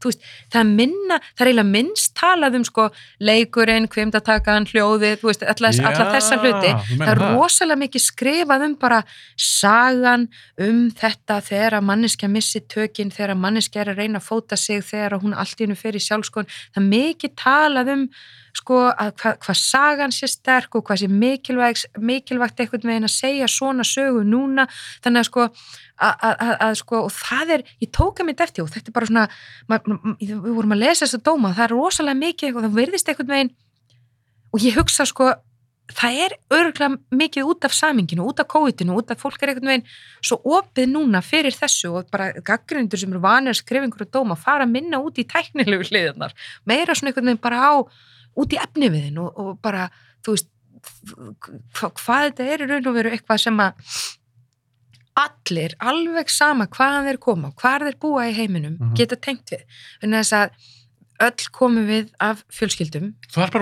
Þú þarf bara að vera manneskja já, þú þarf bara að vera manneskja og hérna og það er svo merkilegt og svo gaman að þú skulle nefna þetta með, þú veist, að því sumir eru hrættir við sjálfa sig. Það er einmitt þá sem við þurfum að fara í þessu skoðun Sammála, og 100%. bara svara því af hverju það var allir gott að þessu það var allir gott að þessu og líka sko vegna þess að við breytum ekki oft er fólk hrætt að við að fara í, í sjálft sig vegna þess að margir hverjir búa líka að erfiðri reynslu sem að, að hefur, kannski fólk hefur verið sett í ákveðnar aðstæður sem að það kunni ekki að hérna, uh, höndla, Mhm. hafði ekki hérna, tækin og tólinn til þess að vinna úr eða gætt bara ekki bröðist við á þeim tíma jafnvel börn sem að bara búa einhverju reynslu sem að er fullorð, fólk eru fullorðið í dag og, og veit ekkert hvernig að, að, að vinna úr. Um, sko við erum ekki við erum í grunninn ekki reynslan okkar. Í grunninn erum við ekki Mm. þú veist.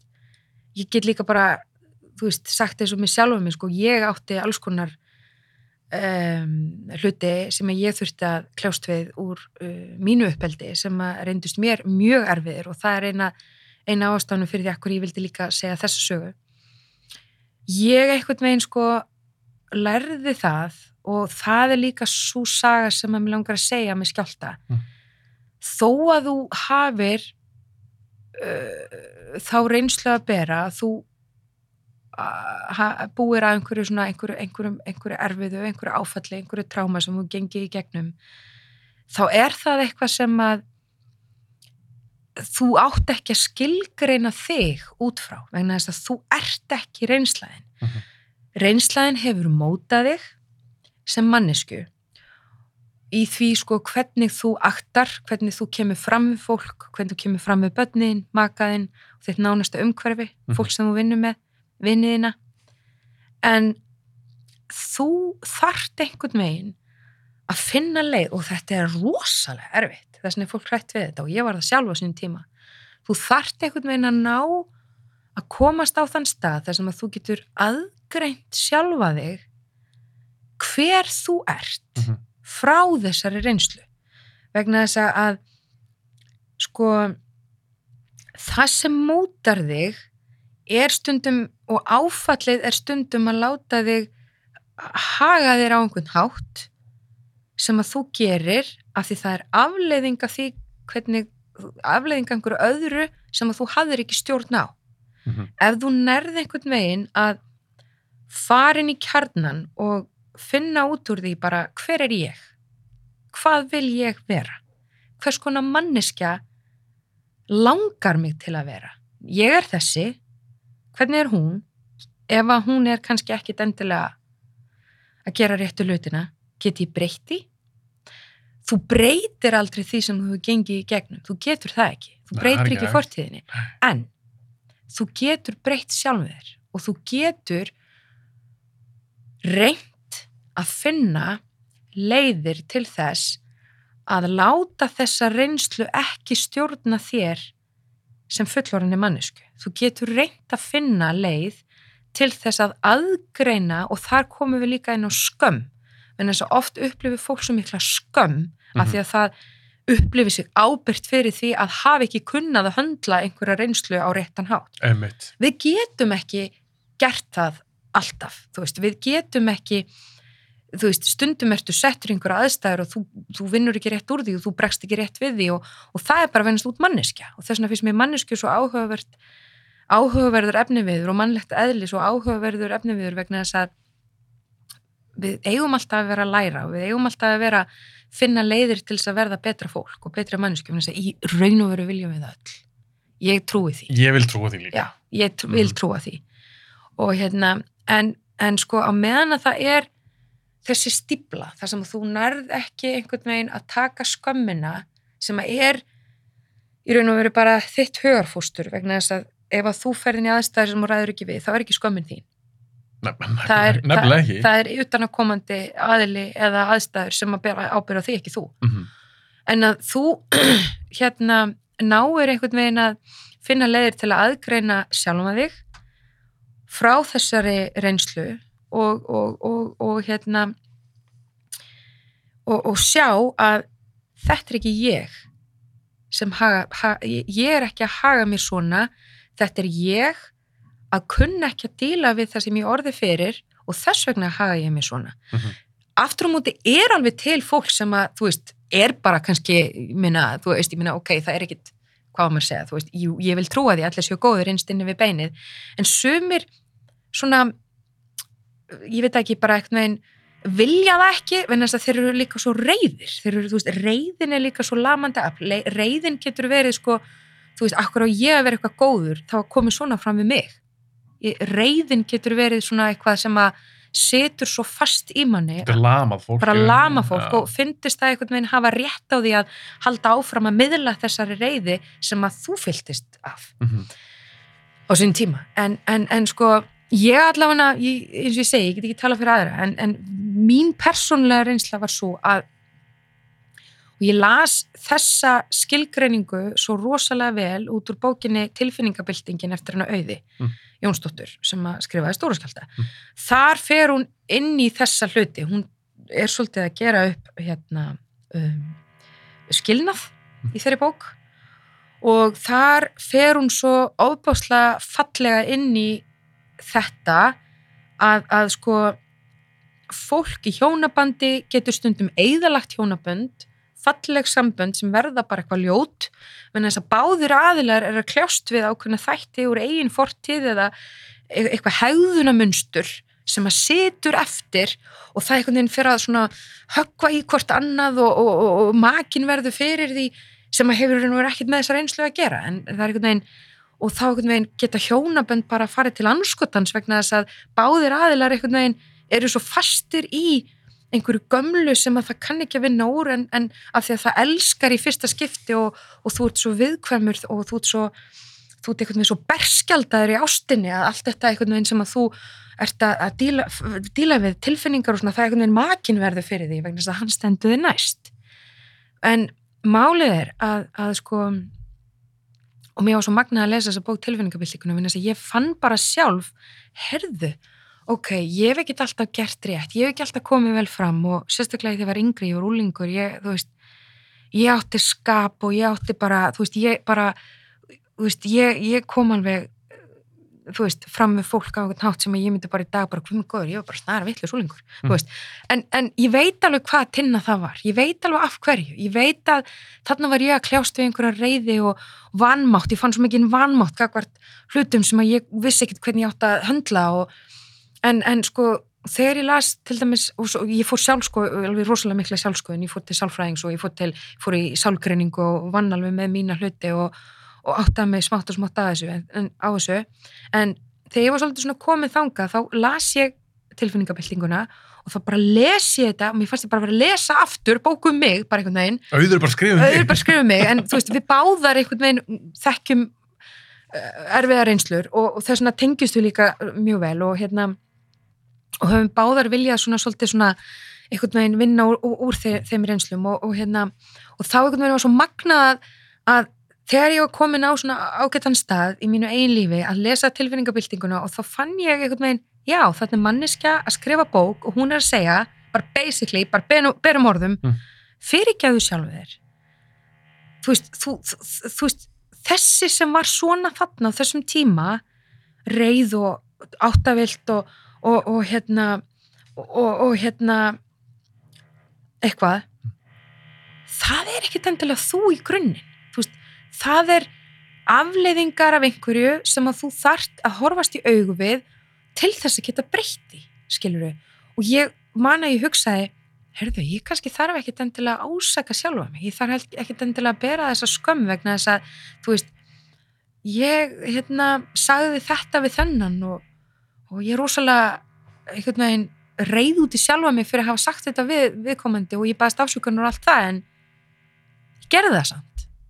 En ég verð líka fyrirgefa sjálfur mér og geta einhvern veginn farið á þann stað að, þú veist, jú, maður byður fólk afsökunar og ég sagði, þú verður að snú að fá þetta, þú veist, en þú gerðir þetta samt og maður, þú veist, maður ber þetta, skilur maður þarf að fyrirgefa sjálfum sér og maður þarf að, þarf að einhvern veginn ná að aðgreina hann á milli, nú er ég búin að tala ókslega mikið um þetta, en þú veist, ég er all, mikilvægt að hlusta á það já, mér, liggur þetta svolítið á hjarta vegna þess að skjálti er um þetta. en nú skil ég líka alveg af hverju þú að hlusta á það og tala við Já, ok, ég skil af hverju þessi saga greip þér svona já. Sagan af sögu, aðal personunni í skjálta, er um þetta. Mhm. og, og hérna hún þarf að fyrirgefa sjálfur sér ákveðna framkomu við sinn maka, sitt barn sem að hún bar ekki ábyrð á en tætt hana að innan skilur og hún þarf að horfast í augu við það að hún bar ekki heldur ábyrð á því. Ekki sko, hún ber ábyrð á sínum gjörðum við berum alltaf ábyrð á okkur eigin gjörðum en hún bar ekki ábyrð á, veist, því Algjörlega. sem að var til þess þessar að hún aðstæður. hagaði sér þannig. Mm -hmm. og þetta er bara svona þetta er svona ákveðið svona ferli sem að ég held að, að sé svo mikilvægt að fara í gegnum að ná þessari og ég kalla þetta aðgreiningu, ég kalla þetta fyrirgefningu á eigin sjálfi vegna þess að það er bara þá fyrst sem að þú getur í raun og veru kvilt í því samviskulaust. Mhm. nú ætla ég að vera betri mannskja ég ætla að vera miklu betri við mín börn heldur en ég kannski upplöfði í minna æsku. Ég ætla að taka ljósið sem að ég vil kvíla í og senda það út til maka míns, til vinnana minna til fjölskyldu minnar, barnana minna vegna þess að það er ég í grunninn. Ég er ekki ég er ekki skiluru mínir erfileikar úr æsku. Ég er, þú veist, tinna og ég get ákveðið sjálf hvað ég stend fyrir. En ég þarf að fara í gegnum þetta ferli og ég þarf að og eins og þú segir, þú veist, þetta, margir óttast þetta þegar hrættur við þetta og þetta er ógeðislega erfitt, en guð minn góður hvað það er gott að komast þangað, skilur við Mhm. þetta er, þess að ég held að við segjum að sko reyði sér lamandi. Skömmin er bara, held ég sko ég held að það sé það versta sko. Þannig að að grunnurinn er svo oft þessi skömm einhvern veginn að, að, að þurfa einhvern veginn að, að bera þá byrði að þú ert vanmáttur gagvart svo mörgu skilur en Es- það sorry, svo, svo er svo mikilvægt líka, þú talar um þú átt börn, mm -hmm. áttu ekki tóstráka jú, já, þú talar kannski um eitthvað í æsku hjá þér, eitthvað þú þarf að díla við eitthvað tækla, gera eitthvað upp. Mm en svo er svo mikilvægt líka að rjúfa keðina það er nefnilega málið. Þú þarft að rjúa keðina og þú gerir það bara svona sko. Já. þú gerir það svona vegna þess að, að sko, þannig þínir strákar já. Skilur, þau eru ekki að díla við akkurat svona Nei. þegar þeir eru eldri. Nei, vegna þess að ef að ég læt uh, mín áföll ætlegast yfir til barnana minna og síni þeim einhverja framkomu sem að sem er afspringi af því sem ég hef upplifað, þá er ég bara að láta keðverkunin að halda áfram. En því miður er margir sem gera. Ég veit það, allt og Það marg. er sorglegt. Það er rosalega sorglegt og, og, hérna, og það er svo grátlegt þegar fólk sem hefur átt erfiða reynslu ætliðir þá reynslu yfir í börnin sín og sumir sem koma eins fram við sín börn eins og komið fram við það fólk þegar það var yng- yngri það er svo sorglegt og hérna en, en það er þetta er bara hluti af því að vera manneskja og hérna mér finnst við vera á réttri leið bara sem Samfélag. samfélag vegna þess að með því að stíga fram og eins og er að gerast svo mikið núna, fólk er að stíga fram og segja frá reyn- reynslu sinni, það er einmitt að losa sig fyrst og fremst við þessa skömm og átta sig á því að ég ber ekki skömmina þó að ég hafi lent í einhverju. Já. Skömmin er annara. Líka bara mikilvæg þess að tala um hluti Já. og nú líka til þess mikið tala um kallmenn að þeirra að tala meir um tilfinningarnir sínar Mm það kannski var ekki fyrir 25-30 Nei. árum eða, eða, eða lengri aftur í tíman Já. það er svo mikilvægt Já. að tala, eins og segir, þetta, ágjör eitthvað þú ekki skammast þín fyrir. Nei, þú átt ekki skammast þig fyrir að vera ekki hérna hæfur einstaklingur til þess að bera hvað sem er á herðir. Mhm. Þú veist, þú, þú getur það ekki og það er það sem að gerir okkur að manneskjum. Við erum bresk, við erum alls konar, við erum viðkvæm, við getum verið sterk en við getum líka verið hérna um, við getum gert fullt af místökum og það er bara hluti af því að vera manneskja en það góða við það er að ef þú gerir mistök, þú getur alltaf gert betur. Það er nýr dagur eftir þennan dag. og reynda að læra þeim Já, og ég man alltaf sko, eins og fyndið, þú talar um setningar sem að snerta, þú talar um setningar í skjálta sem að bara fórin í kvikuna á þér. ég ætla að segja hana eftir þátti Já. ég vil ekki segja hvernig núna ég, ég á nokkra svona setningar og það er ein setning sem að fór inn í kvikuna mína og Mm. bara var mitt svona leiðarljós í, og er, sem, sem er í bókinni nei, sem að er í lægi eftir Sigurús. ok, Já, ég á svona setningar alveg bara allstaðar að, bara, sem að eru bara setningarna mínar og eru bara mínar möndrur, já, bara, bara mína möndrur eða mín, mín bara, minn leiðarvísir í Ah, lífinu. Ah. og svo setning er þessi það besta sem Guð hefur skapað er nýr dagur. Það er ekki sett bara þetta lag, ég man ekki hvað er á plötuna ágætis byrjun. Já. það besta sem Guð hefur skapað er nýr dagur og ég hugsaði bara þetta er vonin. Vonin er svo stert afl Mhm. vegna þess að það er alveg sama hvað það besta sem Guð hefur skapað er nýr dagur. Það þýðir alltaf þetta það er alltaf annað tækifæri. Það er alltaf, þú getur alltaf byrjað upp á nýtt. Þú getur alltaf gefið spilin aftur. Þú getur alltaf, þú veist, skiluru og það, Mhm. þú, það, þú ert ekki að eilífu dæmdur skiluru ef þú vinnur þannig úr hlutunum að þú ert tilbúin að gera betur. Þetta mun líka hjálpa þetta er tækifæri þið líka líður illa.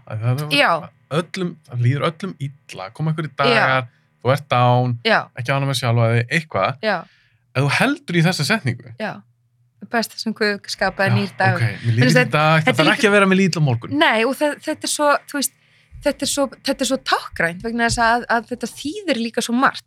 Nýr dagur er nýtt tækifæri, Mhm. Ný von, nýtt, ný, nýtt, eitthvað nýtt sem að þú getur, þú getur hérna, þú getur hreinsað til, þú getur, þú getur, þú getur alltaf spyrjað upp á nýtt. Og það er það sem að saga í raun og veru skjálta gengur í gegnum, hún nánast svona endurfæðist í, í, í, í hérna, í þessari sögu, hún hérna, hún endurfæðist vegna þess að hún fær þarna tækifæri til þess að, að horfast í við hluti sem að engin annar í fjölskyldinu hefur viljað horfast í augu við og hún næra að klippa einmitt á þessa keðuverkun og en, en sko aftur á móti þá ég minna, þú veist, í myndinni er hún bara, þú veist, við bara presentur þetta þannig að þú veist, það er fullt eftir hún er bara rétt að byrja. Stöðu Það er vinna. öll- þetta er stöðu vinna, Já, það er, það já, já, er, já. vinnan er eftir en þarna sér hún leiðina. Og það er þessi leið sem að mér finnst svo ég er svo þakklátt fyrir að ég hafi einhvern veginn náða að finna sjálf. Þakklátt fyrir að lesa bækurnar en auðar sem að ég mér finnst ég alltaf finna þessa spiklun í. Það er þessi leið, það er þessi von það er þessi, það er þessi þetta nýja tækifæri til þess að gera betur. Bæði sem manneskja og líka bara að sjá hlutina betur og skýrara og kannski svona með svona meiri jákvæðni og, og byrtu heldur en ella. mér finnst líka og þetta er rós sem ég er að fara að gefa þér núna. Þegar myndin er búin Já, þá hugsa ég svo mikið um fólkið eftirmyndan, ég fór að ímynda mér ok, hvað gerist næst Mhm. skilur Já. og ég sá fyrir mér svo bjarta tíma og þá leiði mér veginn svo vel Já. og ég verða að koma líka eina þú veist að tala um COVID og við, við erum búin að einangrast að miklu leiti út af COVID Já. þú veist, þú veist bara, maður bara settur einangurinn eða sótkví eða eitthvað og kannski hitta ömmur og afar og eitthvað Mm mér finnst rosa gaman núna að ég saknaði svo mikið að vera í bíó Já. að því bíó lömuðu svolítið Já. á tímabili og núna er koma flottar og nýja myndir Mm en ég fann að ég saknaði svo rosalega að vera með fólki í sal Já. að horfa á bíómynd, að þú horfa á góða bíómynd eins og þessi tilvíli, skjálta þetta er upplifun sem þú getur ekki fengið hann annars þar Nei. Ef ég hefði hort á hana einn heima, jú, auðvitað er þetta frábær mynd Mm. en ég fann að ég fekk eitthvað ekstra. Ég var að upplifa eitthvað fallegt fólki sem ég þekki ekki neitt. Nei, og ég lappaði út úr bíónu í svo góðu skapi. Það er svo gaman. Og það er svo margir sem að töluðu við mig í frumsýningapartinu og sögðu vá hvað var mögnu stemming í salnum.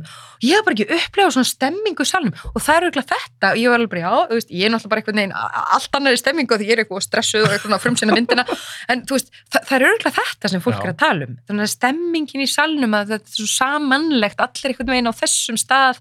Ég held að, já, það er auðvitað upplifa þetta. sama, Já. sama tíma. Já, og líka þetta er eitthvað svona mannlegt. Já, og ég fann, þetta er svo fyndi einhvern veginn. Við erum, að, við erum bara manneskjur. Mhm, og við erum, við erum félagsverur. Já, við erum ekkert byggð fyrir það mhm, að vera bara einin í ykkur íbúð Nei. eða herbergi nei, í svona langan tíma. Nei, þannig að maður finnur einhvern veginn svona aftur og ég fann það svo stert eftir Mhm. skjálta já, að ég er búin að vera að sjá eitthvað spætima myndir og eitthvað, já, misgóðar. Já. En þannig er bara svo fallega sögu hún er svo mannleg, hún er sorgleg já, en hún er líka svo falleg. Hún líka falleg. Og það er von í henni. það, það er von. Já, og ég var svo, ég var svo gladur og ég lakast til að segja við kæristun mína. Já, bara hvað, þetta er svo flott mynd. Já. Og sérstaklega eftir COVID, við verðum að hafa von, við verðum að hafa von.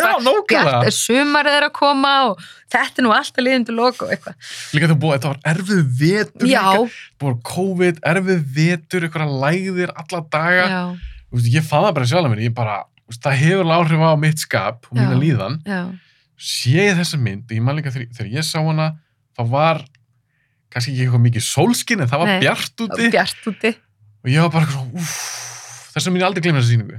Ég lagt svo til því ég set saman ég er svo mikið nörd, ég set alltaf saman í loka á svona eitthvað topp 5 myndir og eitthvað. Og skjálti eh, fyrir mjög líkla á þann lista mér þykir bara svo vænt um þessa mynd. Þess vegna er ég svo ekstra spenntur. Ég sagði líka við á Facebook, mm er svo spenntur að hitta og spjalla við þig, já. að þetta hefði náttúrulega ekki verið eins gaman að ég verið bara svona ok, þetta er ekki mynd fyrir mig Það, ég er líka svo glöð að heyra að þú tengir við hana, eins og þú veist að lýsa sjálfur og ég er eitthvað svona action maður. Þú veist, að ná til þessa fólks sem að er einmitt svona meira kannski fyrir öðruvísi myndir sem er svona meira action, léttmyndi eða svona meiri afþreng. Þa, Mhm. Það er einhvern veginn, þá er stærsti sigurinn unnin, sko. Og já, hérna nokkra vini sem að sem að kannski svona hafa meiri áhuga á svona kannski myndum sem eru meira léttmyndi, léttmyndi eða svona grínmyndum eða eitthvað og ég er svona bjóst við alveg alls konar viðbröðum frá þeim en eru margir bara, já, veist það, Tina þetta var bara rosalega var þetta góð mynd þegar þetta fólk er hrifi þá er maður, já, ég náði þér líka. Æ, skilur að, þú veist, einhvern veginn að því að mér finnst það líka svo gaman sjálfri þegar mér er komið á óvart og mér er sínt eitthvað og ég verð fyrir hughrifum og bara af einhverju sem að ég kannski held að væri ekki minn tebólli eða Mhm. þú veist og ég elska það við listir þegar ég Mhm. bara, veist, ég held að ég væri bara ekkert spennt fyrir þessu en svo bara er þetta magna ég elska þegar ég hef rámt fyrir mér mér finnst svo gaman þegar mér er sínt neytina, þú helst þetta en veistu það, svo bara komstu að öðru ég elska að hafa rámt fyrir mér ég Mhm. elska að læra og veita eitthvað meira og nýtt og komast að einhverju nýju að annars verður lífið svo leiðilegt ef þetta væri allt fyrir sjálflegt og ég veit nákvæmlega hvað, finnst- hvað, hvað mitt áhuga svið er hvað ég tengi við og eitthvað veist, þá er aldrei neitt að koma þér á óvart og þá ert ekki opinn fyrir neinu nýju og þess vegna finnst mér svo frábært að, að skjálti virðist vera höfða til bara svo breiðs hóps af fólki, eiginlega bara allra Mhm.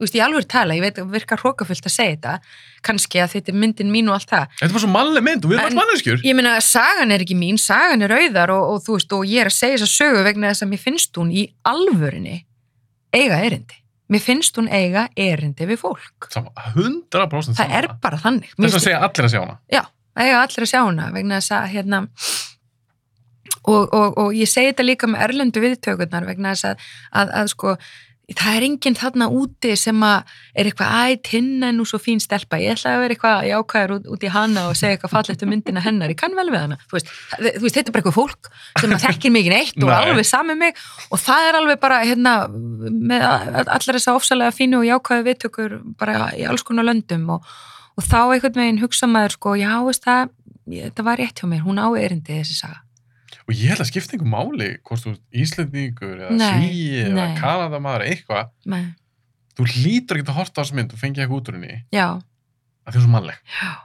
það er bara málið En ég verð að spyrja, þegar auður sá myndina, mm bara alveg í fyrsta skipti, hvort það var eitthvað í síningu eða í klippiherbygguna eða bara whatever, Já. þegar myndi á tilbúin og hún sá hana, já, ef ég má spyrja, kannski þetta bara og persónlegt, Já. hvernig var hennar viðbröð? þau voru bara stórkostleg hún var verulega snortin og hérna og, og hún var mjög hrifin. Hún var rosalega hrifin og hérna hún var eiginlega bara svona svolítið það var svo fallegt, hún var eiginlega bara svona svolítið eftir sig, hún var svona bara já, já, þetta var náttúrulega svona sak vá, bara, ég veit það ekki, þú veist ég held að, þú veist, hún var verulega snortin og virkilega hrifin og og ég bara, auður, þú verður að segja mér það er eitthvað sem trublaði þig, eitthvað svona sem að þú, hmm, það var bara ekki neitt.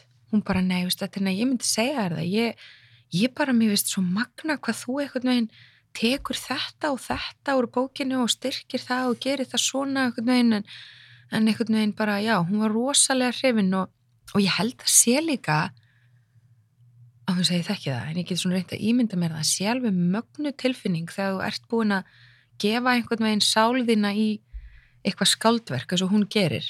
Af því hún gefur svo mikið af sér hún byggir, hún hún er náttúrulega allt skald, skaldskapur hjá auði en hún byggir svolítið á sinni reynslu líka. Að, að, að einhvern veginn sjá það sem að þú ert búin að gera þú ert búin að skapa að það verður að einhverju öðru og, og, og þú sérð einhvern veginn sagan þín er að ganga lengra þitt verk er að fæðast inn í eitthvað annað og ná lengra ég held að sé alveg mögnu tilfinning Og lifna líka svo við. já, Því þetta er hún að heyra að sína, tala, hún Já. fyrir að sjá það. já, ég held að þetta sé alveg mögnu tilfinning og gaman að segja frá því að hérna, þetta er, þetta er þá í annað skipti sem að auður upplifir þetta með þessa bók vegna þess að Páll Ragnar Pálsson sem að gerir tónlistina á samt hérna, eðverði Egilsinni í skjálta Mm.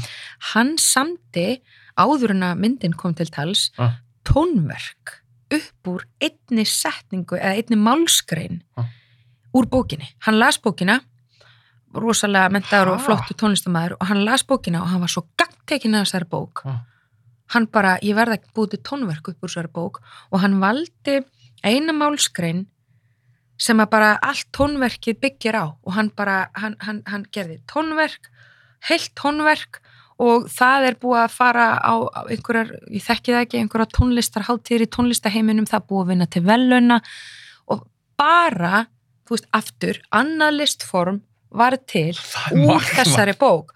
Og þess vegna láða það svo beint við að hann myndi koma á stígin og sjá um tónlistina. Væntalega verið spennt fyrir ég er rosalega spenntur en þannig sérðu, þú veist að þannig að auður sko bæði upplifið tónverk og kvikmynd sem að kemur úr þessari bókennar og hérna, og það er bara þú veist, ég, ég get alveg, ég, ég veit það ekki ég er náttúrulega að tala fyrir hennan hönd, en ég get alveg ímynda mér að það sé rosalega gefandi og, og, og magnað fyrir, fyrir, fyrir listamann að sjá verkin sín ala af sér eitthvað eitthvað eitthva annað og nýtt og ná inn í annan markað og, og einhvern veginn stækka og vaksa bara eins og, bara eins og, eins og, eins og þú eignast börn svo að barni sem, litla barni þitt sem að þú elskar út á lífinu, það mun svo ala af sér annað barn og þú bara, guð minn góður, veist þetta, er, þetta, er, þetta barn er til af því að ég bjóð til þetta barn, veist og fyrir það, ég hlækka svo til að verða amma ég, ég bara, ég, ég átti að vera óþólandi amma alltaf með þetta En svo verður til eitthvað, bara ættartrí og eitthvað, Já, skilurðu. ég meina þetta er, veist, þetta er svolítið svona, Þetta er bara um töfrar. þetta eru töfrar og þetta er það magnaða í lífinu, ég bara, þú veist, hvað er það sem skiptir máli í lífinu, það er þetta veist, hvað byrðu til og hvað sendur frá þér? Og þá er það náttúrulega kjarnin, það er börnin þín, þú veist. Og ég meina í skjálta frum kraftur alls Mhm. í lífi sögu er barnið. Móðurinn vill verða heil til þess að geta verið heil fyrir barnið sitt. Og þú ert foreldri, þetta er bara það sem skiptir öllu máli það skiptir, Alltaf. já, það er veginn einhvern annað sem skiptir máli. Nei. Þegar maður eignar svona bann, maður er alveg bara, já, að ég er svona frekar gamall eignast mitt fyrsta, mm Mhm. finnst mér ég er 38 ára, já, en bara þegar hann kom í heiminn, já, það bara, það bara hvarf allt annað Já. veginn, sko, þetta er, þetta er svo mögnuð tilfinning. þetta er svo mögnu tilfinning þetta er, fyrir mér er þetta bara frumkraftur alls og ég fylltist óbúslega mikill svona framkvæmda gleði og sagna gleði þegar ég egnaðist mín börna því að þarna var bara komin minn kjarni og, og það tvíaldi mig bara Svo að, drifkraftur. alveg bara rosalega eignast tvíbura skilur Var það ekki svolítið mikið meira? Nei, það er náttúrulega vinna eitthvað tvíbura en, en sko ég fekk bara tvöfald meiri kraft sko. Það er bara þannig. Bara, fyrir mér er það mikilvægasta og stærsta hlutverki í lífinu. Ef ég get komið þessum drengjum til manns og þeir verða góðir og hilst eftir einstaklingar sem að, og þeim mun vegna vel og, og verða hamingjusamir og, og bara, já, bara hafa sitt, eiga gott líf, þá er, þá degi ég sátt sko. Vá, við verðum eiginlega bara að enda þessu þinna, ég, við erum ekkert að að toppa þetta. Hún talar rosa stert í minnismynd, skjálti, ég hvet allir þess að sjá hana og sérstaklega að þú ert foreldri Mm. Eða átt fóruldra. eða átt foreldra, sérst, ég raunin bara allir. Þetta er rosa mannleg mynd, hún er falleg, hún skilur eitthvað eftir sig, hún er nærandi fyrir sálina og ég finn það eftir sem ég eldist, þá leita ég meira í þannig kvikmyndir. Auðvitað les ég líka en ég horf meira á bíómyndir.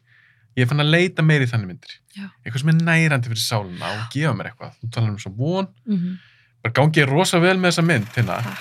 Og bara takk hérlega fyrir að koma. Takk fyrir að hafa mig.